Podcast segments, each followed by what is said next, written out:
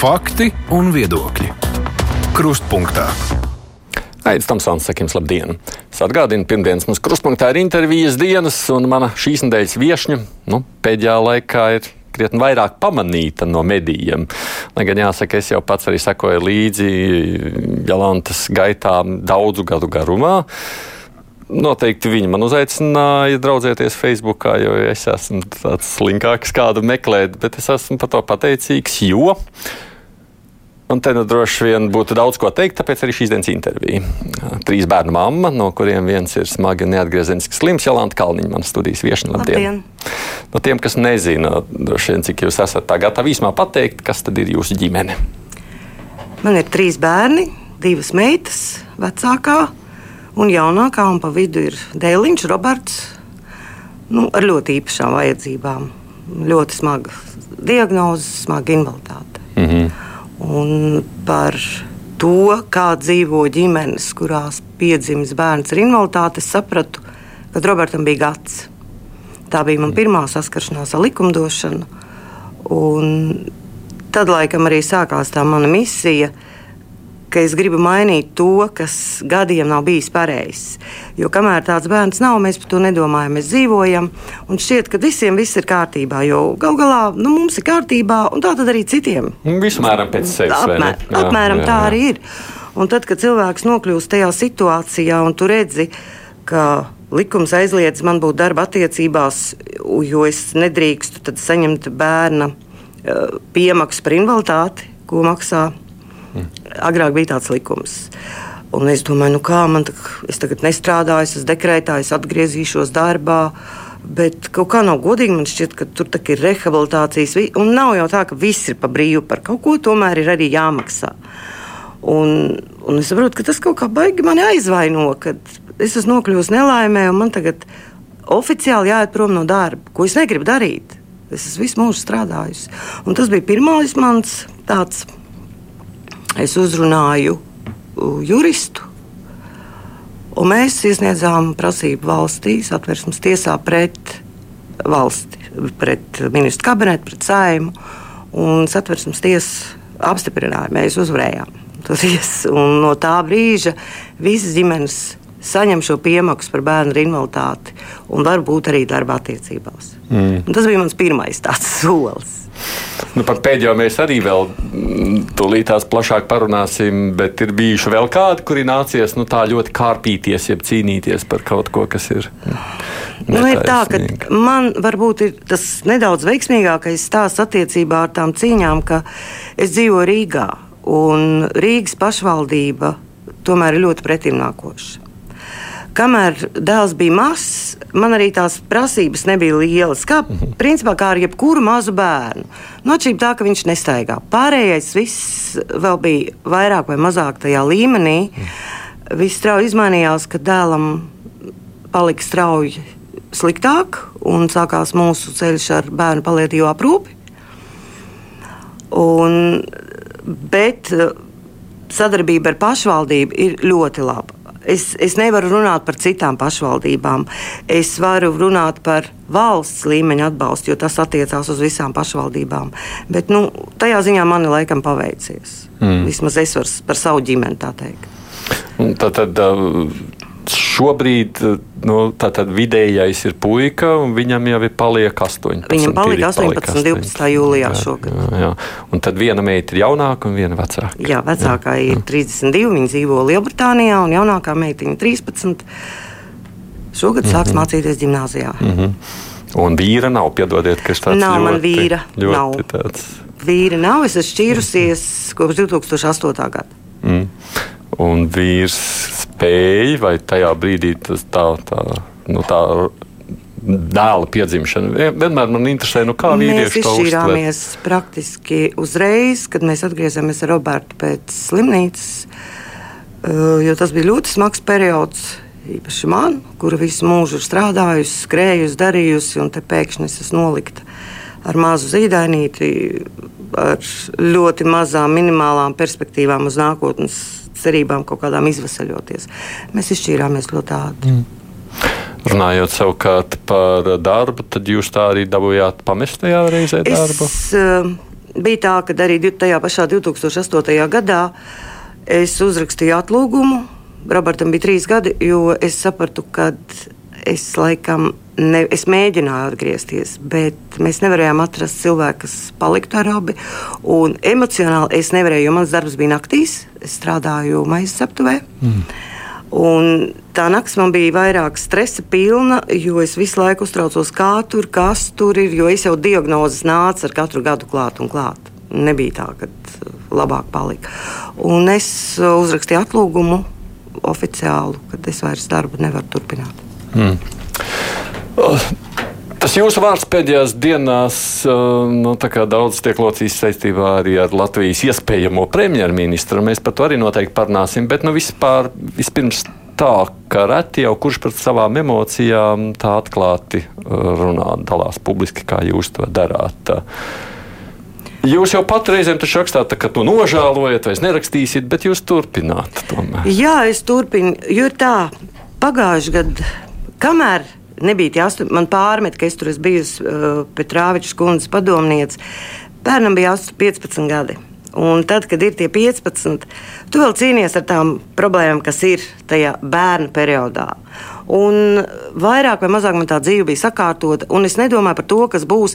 Es iedomājos, es pareizāk teiksim, es iedomājos, ka būs tie 18, bet es nezināju, ka ir tik ļoti nesakārtoti likumi. Un par to es sāku runāt pagājušajā gadā, rudenī kad informācija. Uh, tā nebūs gluži patiesība, ko apgalvoja ministrs Kundze TV3 ziņās, ka informācija viss ir pieejama. Ir informācijas druskas, bet tā kārtība, kā tas viss jādara.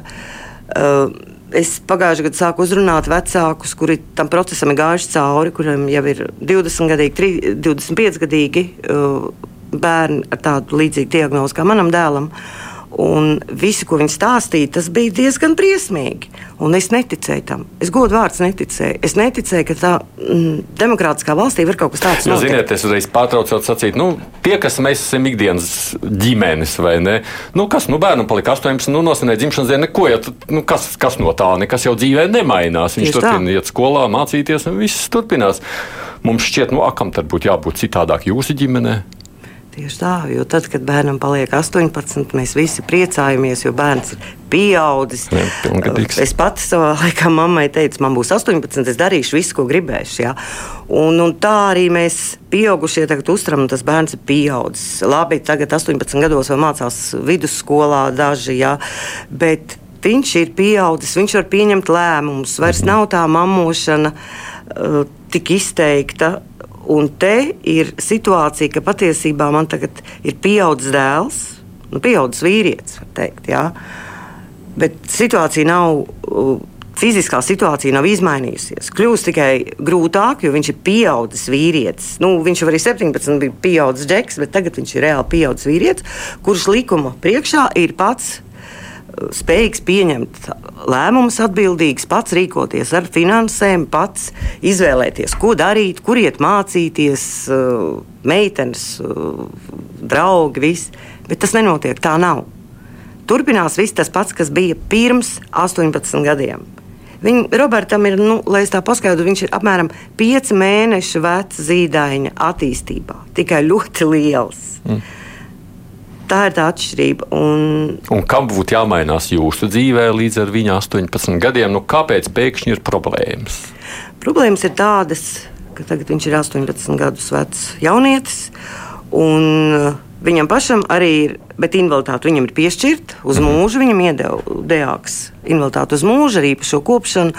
Jo ieraksts atzinumā vēsta, ka viņam ir neatgriezeniski, neskatoties pat uz ārstēšanu, invaliditāte nekad tur nekas nemainīsies. Ne pēc gada, ne pēc desmit, ne pēc divdesmit, ja viņš tik ilgi nodzīvos. Un viņam pašam ir jāiet, jāpieprasa.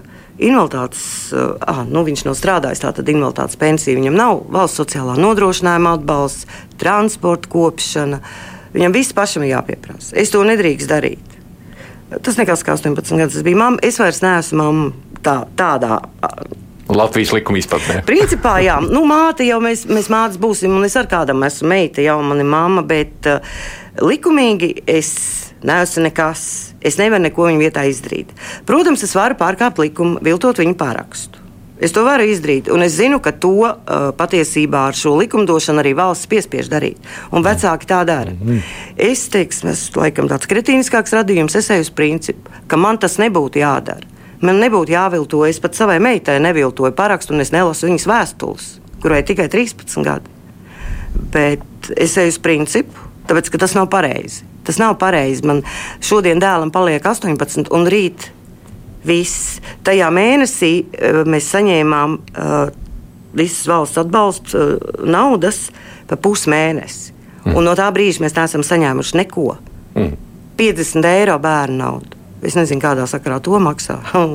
Dēāks man atnāca no VSA, kad viņi saņēmuši dēāku lēmumu par invaliditāti, mm. bet Roberts ir vēl skolnieks. Viņš ir vēl skaitās izglītojamais. Mm -hmm. Tādēļ ir šī piemēra. Nu, Tas ir ģimenes valsts pabalsts. Jā, 100 eiro mēnesī mēs saņemam. Pārējais viss ir noņemts, tāpēc, viņš Roberts nav pieprasījis. Viņš nav pieprasījis. Jā. Mm -hmm. Un viņš nemaz nespēja pieprasīt. Nu, nespēja gan, jā. Mm. Un tad, sekojoši, es jau biju to informāciju ievākusi, kad man ir. Vispirms sapratu, ka man jāatrod jurists. Jo es varu mūldēt Facebookā, es varu rakstīt par savu dzīvi, bet kā rakstīt iesniegumu tiesai, prokuratūrai, bāriņtiesai, nu, es varu uzrakstīt savā stilā, bet uh, tur vajag, tur tiešām vajag nopietni. Un es atradu juristu, ļoti labi uh, juristi, pie kuras aizgāju un es teicu, man vajag palīdzību, jo ir situācija tāda un tāda visus dokumentus paņēmu. Tad vēl Robertam nebija vēl invaliditāte uz mūžu iedot. Mm -hmm. Jo es to laicīgi sāku, jo uh, trakākais ir tas, ka laicīgi neko tu nevari sākt. Es nevaru pirms trīs mēnešiem vai pirms četriem savākt dokumentus un iesniegt. Neviens viņus neskatīs, jo Roberts valsts sistēmā ir kā bērns. Un viņš kā bērns parādās, bet bērnam nav tiesības neko prasīt. Un līdz ko viņam ir 18, viņš vairs nav bērns, viņš sistēmā parādās kā pieaugušs cilvēks, un tagad viņam viss ir jāprasa. Bet mainījies nekas nav. Nu, tad sākām ar juristi. Es parakstīju visus dokumentus elektroniski un iesniedzām, un mēnesi gaidījām jebkādu ziņu. Mēs mēnesi saņēmām pasniega pavēstis, ka mums ir jāiet pēc Roberta vēstules. Nu, vēstuli man neviens nedeva. Mm. Tāpēc, ka tas Robertam pašam ir jāatzīst. Jā, tāpēc, ja? ka pilngadīgam vīrietim ir nu, tiesības uz savu korespondenci. Pilnīgi, tas ir pilnīgi likumīgi, pareizi. Tātad jūs pat nevarat, viņš pat nevar saņemt vēstuli, kur viņš nevar nosūtīt. Viņš jā. nevar, jo viņš jā. nevar parakstīties par to vēstuli. Un viņš nevar pateikt, ka viņš ir Roberts. Mm. Un tālāk, kur, cik tālu jūs esat tagad tikuši? Šobrīd, pagājušajā nedēļā, es sāku interesēties, nu, kas tad tālāk notiek. Nu, mēs mm. gaidām, gaidām, gaidām. Bez iztiks līdzekļiem, vai ne? Nu, principā, nu, atkal man ir tas veiksmes stāsts, ka man ir fantastiski draugi, kuri man atbalsta un mm. palīdz. Uh, bet valstiskā līmenī man varēja nebūt draugi es varēju sēdēt un raudāt spilvenā, kā es to esmu darījusi, kad uh, bija man arī ļoti dziļš krīzes, depresijas periods, kad Robertam sliktāk palika. Viņš bija maziņš, es nekomunicēju ar cilvēkiem. Un, uh, tā kā manā gadījumā vēl paldies Dievam, ka man ir paveicies. Taču valstiskā līmenī mēs nesaņemam pilnīgi neko. Pilnīgi neko. Uh, tie 50, oh, nu 50 Lindai 50 par Robiju 100 eiro uz trīs cilvēku ģimeni mūsu konkrētajā šajā dienā izdzīvot nav iespējams. Eh, protams, ministrija saka, ka var iet uz sociālo dienas pēc krīzes pabalsta. Tas būtu pareizs lēmums iet uz sociālo dienas, jebkurā pašvaldībā, mhm. jebkurā, jo tā ir krīze. Tikai problēma tā, ka šo krīzi ir radījusi likumdošana mūsu valsts likumdošana. Nevis, ka man ir nodedzis mājoklis, vai tur plūdu dēļ kaut kas noticis, vai nu, visādas krīzes var būt ģimenēm. Bet tieši valsts likumdošanas dēļ es nonāku krīzē. Un neko ātrāk es darīt nevarēju. Es biju savāks dokumentus jau gada sākumā par uh, Robertu slimošanu, jo viņš patstāvīgā psihiatra uzraudzībā bija. Bet tīri tos juridiskos dokumentus, visu, kas attiecās uz valsts atbalstu, es neko nevarēju izdarīt. Es varēju sarakstīt, bet tos aizsūtīt lai viņi stāv plauktiņā, jo bāriņties neizskatīs, jo priekš kam viņš nav pilngadīgs. Tiesa, priekš kam jūs esat aizbildni savam bērnam, jeb kā jebkurš vecāks ir aizbildnis, priekš kam? Mm. Un tad vienā jau kā rītā tu pamūji, jo pulkstenis 12.01 minūtē es DEAK mājaslapā, un es vairs nevarēju ieraudzīt. Es nebiju vecāks vairāk. Es neredzēju datus par savu bērnu. Vairāk. Mm. Precīzi vienu minūti pēc 12. Tā tā automātika ir uzstādīta. Jūs tiesā prasāt, nu, ko aizgādniet, ko jūs prasāt? Uh, tas saucās aizgādnība. Jā, aizgādnība, aizbildi jā. mēs bijām līdz 18. Tagad mm. es aizgādniecību prasu un rīcības spējas, kā tas saucās, izskatīšanu par rīcības spējas liekšanu. Mm -hmm. Nu, pats par sevi šķiet nu, loģiski saprotams solis, vai ne? Nav joprojām tiesa vēl nolēmusi neko? Tiesa, pirmā tiesa būs rakstveidā par pagaidu aizgādnību, par ko visu laiku man skandina, ka tas ir nekavējoši pieņemams lēmums, ka tas tiek nekavējoši darīt. Nu, labi, tā tad sanāk, ka mūsu valstī nekavējoši ir pēc pusotra mēneša. Labi.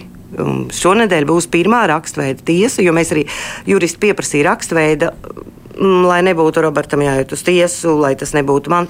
Tā ir tikai pagaidu aizgādniecība uz mhm. laiku, mm -hmm. kamēr būs tiesa, kas lems par rīcības spējas ierobežošanu.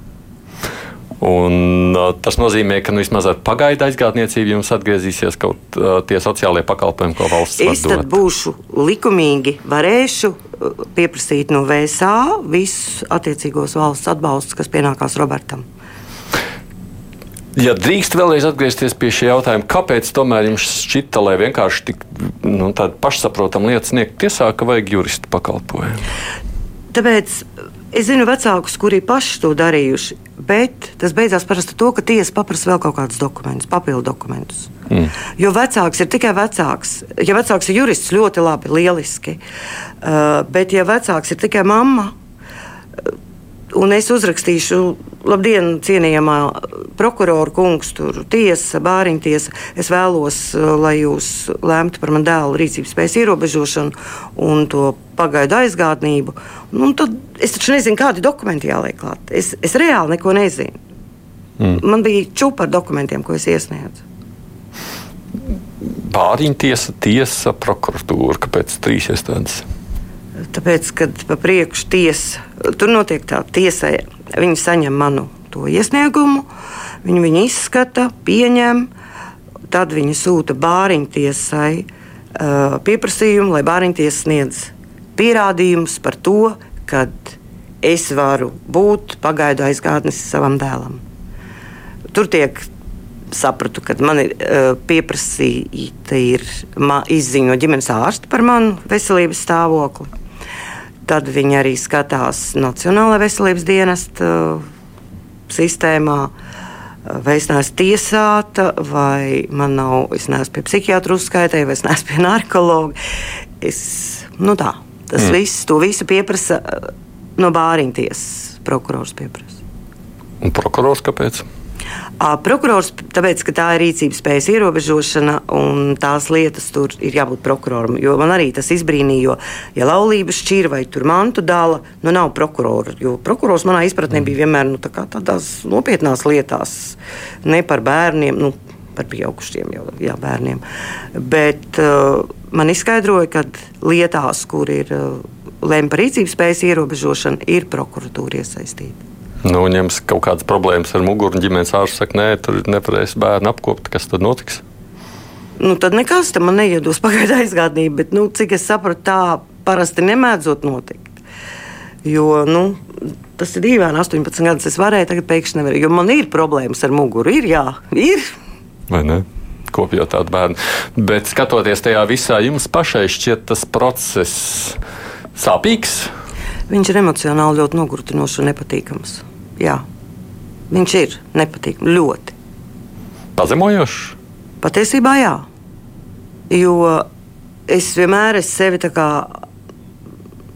uztvērusi kā savu bērnu mammu, un es zināju, ka ar Robertu viņa gadījumā man būs jārūpējas visu mūžu. Es būšu viņa mamma.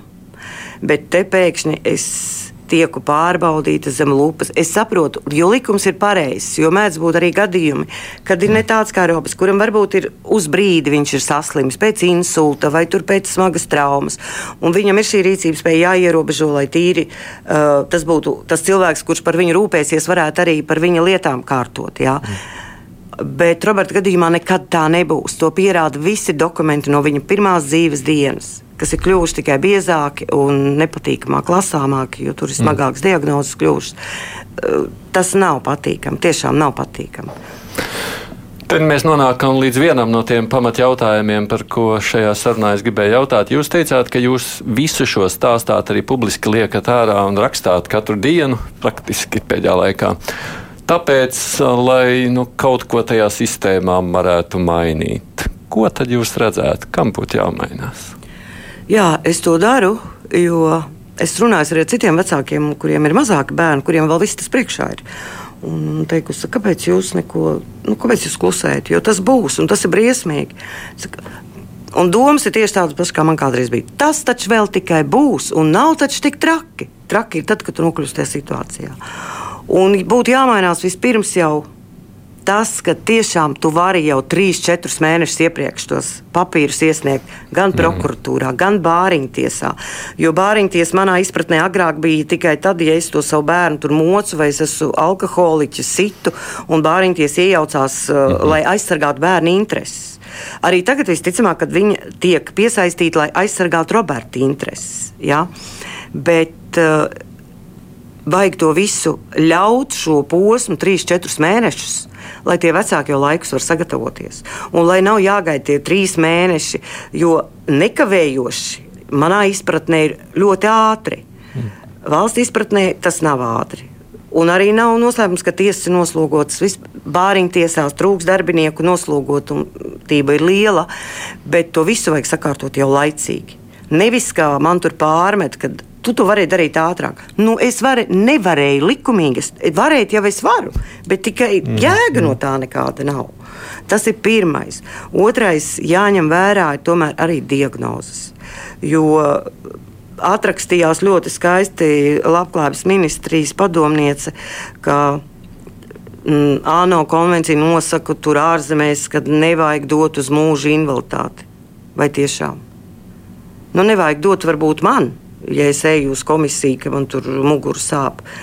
Bet ir situācijas, ka tur, nu, tur cilvēkam nu, viņš ir pieci mēneši. Mēs pieci mēnešu veciem bērniem neļaujam, viņus neizliekam uz ielas vienus pašus, ej un dari, ko tu gribi bērniņi. Un tāds ir mans dēls. Viņš ir pieci mēneši cilvēciņa attīstībā un ir jāizskata. Un šādu gadījumu nu, nav tūkstošiem mūsu valstī. Nu, netic, ka viņi ir tūkstošiem. Ir lietas, kur to rīcība, un rīcības vai man būs atkal pēc septiņiem gadiem šis pats posms atkal jāiziet. Atkal bāriņties, atkal prokurors, atkal pārbaudes un viss tas tālāk. Ja? Nu, pēc septiņiem gadiem varbūt, jo es vairs nebūšu spējīga viņu aprūpēt. Pilnīgi pieļauju, ka tas tā būs. Ja? Un, uh, kad ir dokumenti, oficiāli dokumenti. Un zinu, ka tiesā ir bijis gadījumi, ka prokurors pieprasa neatkarīgu psihiatru ekspertīzi vēlreiz. Jo tur, kā pasakā tiesnesis, es neesmu mediķis, es esmu tikai jurists. Viss ir pareizi. Bet vai jūs neticat tiem ārstiem, kas ir bijuši 18 gadus tam cilvēciņam? Jūs neticat viņa vecākiem, ja jūs tiešām domājat, ka tādi vecāki ārprātīgi grib iedzīvoties uz šo bērnu rēķina, nu tie nav miljoni. Man nav Robertam jānoņem, jāliedz rīcības spēja, tāpēc ka viņam ir noslēpta Šveices bankā 5 miljoni, un es gribu, lai ar viņu naudu rīkoties. Nu, tā nav. Mēs nedzīvojam Daniela Stīles romānā. Mm. Ātrāk šīs nevajadzīgās reizēm prasības, Jā. vēl kaut kas nāk. Otrs ir, ko, ko vecāki dara, un ko man arī ieteica, ko es izdarīju, bet to es līdz ko būšu pagaidu aizgādnis, es anulēšu, atvērt savam bērnam bankā kontu. Robertam es atvēru kontu, pa priekšu atvēru sev, jo tā ir vienkāršāk atvērt. Man simt gadu nevajadzēja to kontu. Man mm. ir citā bankā konts jau mm. desmitiem gadu, bet man bija jāatver bankā konts, lai es vieglāk varētu atvērt Robertam kontu 17 gadu vecumā. Un man jau ir mīnusos aizgājis tas konts. Es tur ieskaitīju 10 eiro. Jo man ir katru mēnesi jāmaksā ir, uh, procents. Komisija, uzturēšanas komisijas nav. Un manam dēlam ir tieši tas pats. Mm. Viņam šobrīd tur stāv 10 eiro, manējie 10 eiro. Bet mēs uzturēsim un maksāsim ar to kon bērna kontu, kurš ir kāds bērns, pieaugušs vīrietis, konta maksājums, uzturēsim to komisijas maksu par cilvēku, kurš nekad to bankas kontu nelietos. To visu naudu var skaitīt tā, kā pat kā līdz šim manā kontā, jo Roberts neaprecēsies, neaizies savā dzīvē, un nekas no tā nebūs.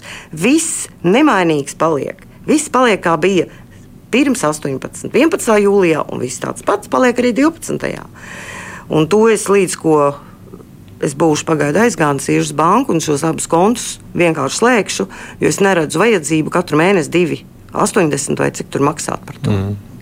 Un tad vēl tas jautājums par informācijas pieejamību un to, cik sarežģīti, kā jūs sakāt, reizēm, ka jāņem jurists. Nu, ne jau viss var atļauties jurists. Jurists, jā, jāpieņemsim, pašvaldībā ir noteikts maznodrošinātās ģimenes status, tad jurists pienākās bez maksas. Mm. Ja nav šī status, tad jurists ir par maksu.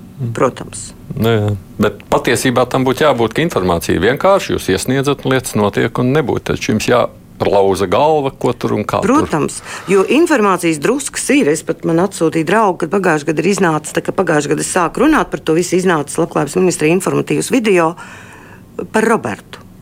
Nu, negluži par manu dēlu, droši vien. Tas mm -hmm. ir vienkārši vārds Roberts. Bet, laikam, es to tēmu pacēlu. Uh, jā, tur viss ir, bet kā to procesu iziet līdz tam, ja jūsu bērns ir spējīgs, vai ja jūsu bērns nav rīcības spējīgs, Bet viss to tas jurists, tas process, kā no. Es nezināju, ka man vajadzīga ir medicīnas izziņa. Jo uz bāriņu tiesu zvanu, viņi saka, nē, nē, līdz mums vēl jūsu lieta nav nonākusi. Zvanu uz tiesu, viņi saka, viņa ir nonākusi, bet vēl gaida rindā. Un es neko nevaru uzsākt. Es nevaru pilnīgi neko uzsākt. Sēžu, gaidu. Uh, nu, te jūs pieminējāt, ka jūs jau savulaik bijāt labklājības ministrs padomniece toreiz vienkārši neienāca prātā ja, šīs lietas. Es nedomāju, ka tas tiešām, jo es tā baigi daudz nepazīstu vecākus, kuriem ir daudz vecāku bērnu par mani. Mēs pārsvarā esam tādi, tie, kas komunicē jaunāki, vienaudži. Ja? Un es nezināju to, ka tiešām ir tāds pārāvums, jo man likās, mēs samērā normāli iztikām ar to, kas ir. Ne, nebijām tādi ļoti bagāti, bet iztikt var trīs cilvēku ģimeni ar to naudu, par ko uztur mūsu Roberts. Bet, kad tu nonāc situācijā, ka tev nav vispār nekā. Man pat nevarēja ienākt prātā. Man liekas, ka tas tomēr kaut kā ir. Nu, es, es zināju, es biju pārliecināta arī 15, 16 gados, kad Robertam bija, ka viņam būs invaliditāte uz mūžu. Es biju par to pārliecināta, es to zināju, ka tā būs, jo es ar viņu dzīvoju kopā dienā. Es redzu, kāds viņš ir. Bet to, ka kaut kas tāds būs, Es pat nebiju lasījusi neko tādu. Tajā laikā man vairāk uztrauca, uh, kad uh, cilvēkiem ar smagām invaliditātēm ik pēc gada, diviem vai pieciem jāiet pierādīt, ka tu joprojām esi invalīds. Tev, ne, arī Roberts bijis pirms tam vairākas reizes uh, uz komisiju. Uh, Es saprotu, varbūt ne gluži mazam bērnam tā var dot. Bērniem vispār uz mūžu nedod, bet, bet arī pieaugušie gāja neskaitāms dejāks. Tā ir valsts nauda, tie ir izmeklējumi, tās ir rindas veselības sistēmā. Tas viss ir pilnīgi lieki, ja jau ir tā diagnoze, kas ir nemainīga un paliks. Un es par to tiešām neaizdomājos. Tajā laikā bija citas aktualitātes, un es tajā laikā biju vairāk tāda apmāta ar cīņu par bērniem ar invaliditāti. Es par pieaugušiem ar invaliditāti neko baigi nezināju. Nu, tagad skatoties uz to nu, mērķi, cerībā kaut ko mainīt esošajā sistēmā, labklājības ministri jūs esat nobloķējis. Jā. Viņi gan saka, nav, bet ir. Viņi nobloķēja man gan politiskajā profilā, gan privātajā profilā, Facebookā, Twitterī. Jums ir skaidrs, kāpēc? Es pieļauju, ka varbūt es nepatīkams jautājums uzdodu, aprakstu. Jo nu, tie ir uzbraucieni sistēmai, kurā dzīvoju es tauta kurā dzīvo tūkstošiem tādu ģimeņu, un kuras patiesībā nav patīkami par to runāt. Reāli tas nav tā, apsēdos, uzliku kafijas tasi vai viskiju glāzi, un tagad es priekiem uzrakstīšu. Es ļoti labprāt nerakstītu par to visu, bet es zinu, ka vēl tādi bērni dzims. Nebūs tāda nekad tāda leiputrija, kad dzims tikai veseli bērni. Nebūs. Tā būs vienmēr tā būs. Un ja mēs likumus nebijām spējīgi sakārtot pēc Latvijas neatkarības atgūšanas, un tā nu sagadījās, ka man tajā 2005. gadā piedzima smagi slims dēliņš, un jau tad es saskāros ar nepilnībām likumdošanā, un viņas jau nekur nepazūd. Pamazām ir maina tikai tāpēc, ka vecāki par to runā. Un, ja vecāki par to nerunā, tad viss ir apmierināts. Ja, ja neviens neko nesaka, tāda problēmas nav. Pie ārsta arī, ja ārsts saka, jums sāp, nē, nesāp, nu, kur jūs te nācāt? Ja. nu, tā kā citādi jau nevar, bet uh, ko tad lai dara? Ja nu, ja ministre vai ministrija, kur jūs uzrunājat, jūs vienkārši aizbloķē? Es runāju Facebook. No nu, to jau ne, nemainīsiet. Sistēmu. Mainās. Mainās. Tomēr mainās. Nu, redzat, uh, Labklājības ministrs pārstāvis pateica, ka viņi pateica to, ko es savos postos liku, ko vajag. Mm -hmm. Jo tā tagad ir viņu iniciatīva. Bet, ja es nebūtu aurojusi pa visu Facebook, šīs iniciatīvas visticamāk nebūtu, kamēr kārtējā māte, kur būtu nonākusi tajā pašā situācijā kā es, varbūt saņemtos un skaļi par to runātu. Tagad iespējamā ne, esošā līdz šim labklājības ministra būs iespējamais premjerministrs. Jā. Kādas emocijas tas jums raisa? Patiesībā, kā pret personu, man pret viņu pilnīgi nekas nav. Simpātiska sieviete, un es arī nepiekrītu visam tam, ko raksta par viņas ģērbšanās stilu, par matiem, vai tur vēl nezinu, kādas atrod diezgan nepatīkamas lietas, un principā tā ir apmelošana. Kamēr nav faktu, tu neko nevari pateikt. Vai tas cilvēks tur ir tāds un šitā, un kā mēs ģērbamies, vēl jo mazāk mums ir tiesības par to spriest. Bet, ja cilvēks atklāti, kuram paprasa ziņu uh, vadītājs jautājumu, un viņa pasaka klājus melus, man tas ļoti nepatīk. Jo viņi ir politiķi. Tas es varētu sēdēt tur un dzējot dzēju, un varbūt arī melot, jo es esmu parasts iedzīvotājs, es esmu viens cilvēciņš no tautas. Bet, uh, tas bija ļoti nesmuki. Tas bija ļoti nesmuki, un tāpēc es arī ierakstīju Facebook. Es man uzrakstīju draugi, tur redzēju ziņas. Es saku, ziņas tā baigi neskatos. Es internetā varu visas ziņas izlasīt. Un es sēdēju un skatījos ierakstā, un es domāju, ārprāts man pārņēma, vienkārši man pārņēma dusmas, tāpēc ka tā bija nepatiesība. Un tas vairs nebija sievietes pret sievieti kaut kādu dēļ. Vīriešiem mēs tur neplēsāmies, vai ne? Nu, visādas situācijas taču Facebookā parādās. Ja? Bet tā bija izmisušas mātes posts, un viņa pasaka, Labklājības ministrs, mani kolēģi ir viņu informējuši. Man neviens kolēģis neko nav informējis. Vienīgi, ka es viņai uzrakstīju oficiāli elektroniski parakstītu vēstuli, ka es vēlos tikties, un man bija uz papīra uzrakstīts, ko es vēlētos, lai turpmāk nebūtu jāiziet cauri citām ģimenēm. Pateicis, nē, piedāvāja tikties ar Uršuļska kungu, ar kuru es atteicos tikties. Jo, kad es pieprasīju, ne, nu kā pieprasīju, es uzrakstīju, uh, ka es vēlētos tikties savulaik ar Ramonu Petrāviču. Es tikos ar viņu, es viņai izstāstīju, kas ir jāmaina, un viņi to izdarīja. Tikai tāpēc viņi man uzrunāja kļūt par viņas ārštata padomnieci. Mēs centāmies mainīt, un finanses valsts budžets ir tāds, kāds viņš ir. Gribās jau visiem ir 10 tūkstoši varbūt mēnesī saņemt, bet šoreiz nav stāsts par naudu, ko tur vajadzētu lieciet klāt, tur vēl miljonus prasiet vai aizņemieties. Nē, ir politiskā griba vajadzīga pamainīt likumdošanu. Tur nevajag finansējumu milzīgu. Jūs joprojām būtu griboša tikties ar Eviku Silīnu? Šobrīd vairs ne. Jo? Jo es ceru, ka uh, viņa tāpat Tā kā viņa man ir nobloķējusi, bet es zinu, ko viņa tur raksta. Un redzu, draugi pārsūta. Nē, man meitai ir Facebook. es varu iet cauri viņas, viņa man pati var parādīt. Bet uh, es domāju, ka viņa redz un dzird, un kāds viņai pasaka, kad ir tāda situācija, un tā ir nopietna situācija. Patiesībā ļoti nepatīkama. Jo, ja kāds domā, ka bērns ar tik smagām diagnozēm ir baigā laime dzīvot, nu, tas tā galīgi nav. Tas tā galīgi nav. Es katru dienu eju gulēt un domāju, ka varbūt rīt vairs tā nebūs. Un tas skan ļoti ciniski un ļauni, bet es pat ceru, ka varbūt dēls aizies pie dieva, un viņam būs vieglāk, un man būs vieglāk. Jo es noteikti negribu aiziet ātrāk par viņu. Tad, kad vēl tikai, man liekas, tas bija pavasars, jūs bijat ierakstījusi, nu, dēlam būs 18, jūs rīkosiet publiskas Jā. svinības. Uh, pirmās mums nesenāca, jo bija NATO samits. Mm, tāpēc, jā. tieši tajās dienās, kad mums bija ieplānots uh, Roberta mm. dzimšanas dienas, tieši bija. Un tagad ir tā, ka mēs nezinām, kas būs labklājības ministrs, kas būs premjerministrs, jo šo pasākumu es gribētu uh, labā laikā, bez lietus, jo mm -hmm. viņš būtu ar bērniem, arī ar pieaugušajiem, nu jau pieaugušajiem, uh, pie ministra kabineta. Jo tāds ir mans mērķis un mans sapnis, ka es to gribu. Uzrunāt mūziķus, uzrunāt animatorus, kas varbūt tur, ja bērni viņam izklaidētu, un iesniegt ministru kabinetā visu to, ko es šeit stāstu. Tāds bija tas mērķis. Nevis taisīt tur piketu un aurot, atlaist saimu. Nē, man to nevajag. Nē, eh, saima ir un es viņu nevaru atlaist, un, un lai viņi strādā. Lai viņi strādā. Vārds tiešām nozīmē, lai viņi strādā. Uh, un politika, lai risina savas politiskās schēmas. Bet šo pasākumu es joprojām nekur neesmu pametusi.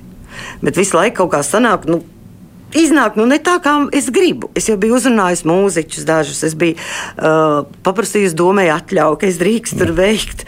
Bet NATO samits bija neatkarīgi. Es pat pavisam aizmirsu, ka tāds tieši tajos datumos ir. Nu, un to, kad uh, premjerministrs iesniegs demisiju, es arī nebiju ieplānojis. Nu, ar mani nepa, nepakonsultējās neviens, bet tas plānā ir joprojām. Tas nozīmē, ka vēl iespējams šīs dzimšanas dienas svinības būs. Jā, kāpēc dzimšanas dienu nevar svinēt visu gadu? Galu galā jaunā gada dāvanas mēs dāvinām vēl visu janvāru. Tas būs publisks pasākums. Jā, noteikti. Aicināsiet arī cilvēkus, kas jūs atbalsta. Sev. Jā, noteikti. Jebkurš varēs atnākt. Jebkurš. Tas nozīmē, ka vienkārši jāgaida ziņojums tālāk. Noteikti es par to ziņošu. Un runājot par nu, tiem ierakstiem, Facebookā turpināsiet rakstīt, dalīties. Jā. Jā. Tad, kad kamēr jau uznāk vakarā dziļa depresija un negribās, tad nerakstīšu, bet man domas visu laiku ir. Es citreiz eju gulēt ar domu, Par to es gribu uzrakstīt. Jo līdz procesam, tam galvenajam tiesas procesam, kad tiks lēmts par Roberta rīcības spēju, es aprakstīšu katru soli. Jo man seko daudz vecāku, kuriem ir mazie bērni, kuriem vēl tikai tas būs pēc gada, diviem vai pieciem, nav svarīgi, bet tas būs. Un es būtu ļoti laimīga, ja es šos postus savus lasītu nevis kā pati rakstījusi, bet iepriekš jau kā nu, Roberta mamma, citas mammas rakstīto. Es būtu ļoti priecīga par to. Mm. Uh, nu, ko lai es saku, es nevaru klausītājiem tādu atvainojos. Paspēt lasīt, ko jūs man rakstāt šī te, uh, raidījuma laikā, jo man nāk arī vēstulītes, vai ne? Bet, uh, jebkurā gadījumā, es pēc tam apsolos klausītāju nolasīšu. Nu, es vienkārši uz ātrā, kas man pēdējo nolasīšu, nesot nepaspējot iepriekš izlasīt. Mums Maruts Siliņa raksta šādi: Labdien! Paldies par drosmi veidot šo raidījumu, un paldies jums par cīņas spāru un pareiziem akcentiem, nosaucot vārdā problēmu. Nu, tāds viens klausītājs vēstījums. Jā, paldies, es arī saņemu daudz vēstules. Es tiešām ļoti daudz mīļas, jaukas vēstules, atbalstošas padomus. Es nekad neesmu atteikusi padomu cilvēkam. Mm. Nav svarīgi, vai tas ir par bērniem vai tīri. Vienkārši sveša sieviete uzraksta. Man ir arī sveši vīrieši rakstījuši, un es pastāstīšu par savu dzīvi, par savu ģimeni. Nevis tur vēlējušies iepazīties. Bet ir, kad kādreiz cilvēks ir vientuļš un viņš grib parunāt. Un atrod tur tādu baigi plāpīgā vienu. Nu, kāpēc lai viņai neuzrakstītu? Un nevis tur nepieklājīgi kaut ko nepieklājīgus es nemaz neatbildu izņemot vakardienu. Bet uh, cilvēki man ļoti daudz raksta un atbalsta, un īpaši jau uh, slimo bērnu vecāki. Un es par to priecājos. Tātad es redzu, ja man kaut pieci vecāki uzrakstā, tad es jau kaut ko labu pieciem cilvēkiem izdarījusi.